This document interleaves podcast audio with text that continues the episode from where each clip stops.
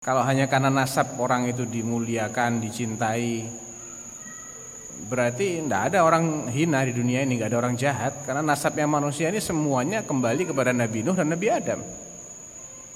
Wa ja'alna dzurriyyatahu humul baqin. Semua orang itu dzurriyyahnya Nuh.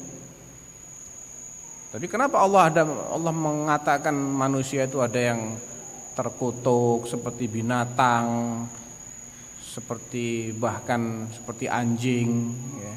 Ini kan penghinaan luar biasa. Padahal kalau cuma dari nasab harusnya nggak ada orang hina. Berarti yang menjadikan seseorang itu hina atau mulia bukan nasab, semata-mata bukan. Keimanan dan ketakwaan dia. Inna akramakum indallahi atqakum.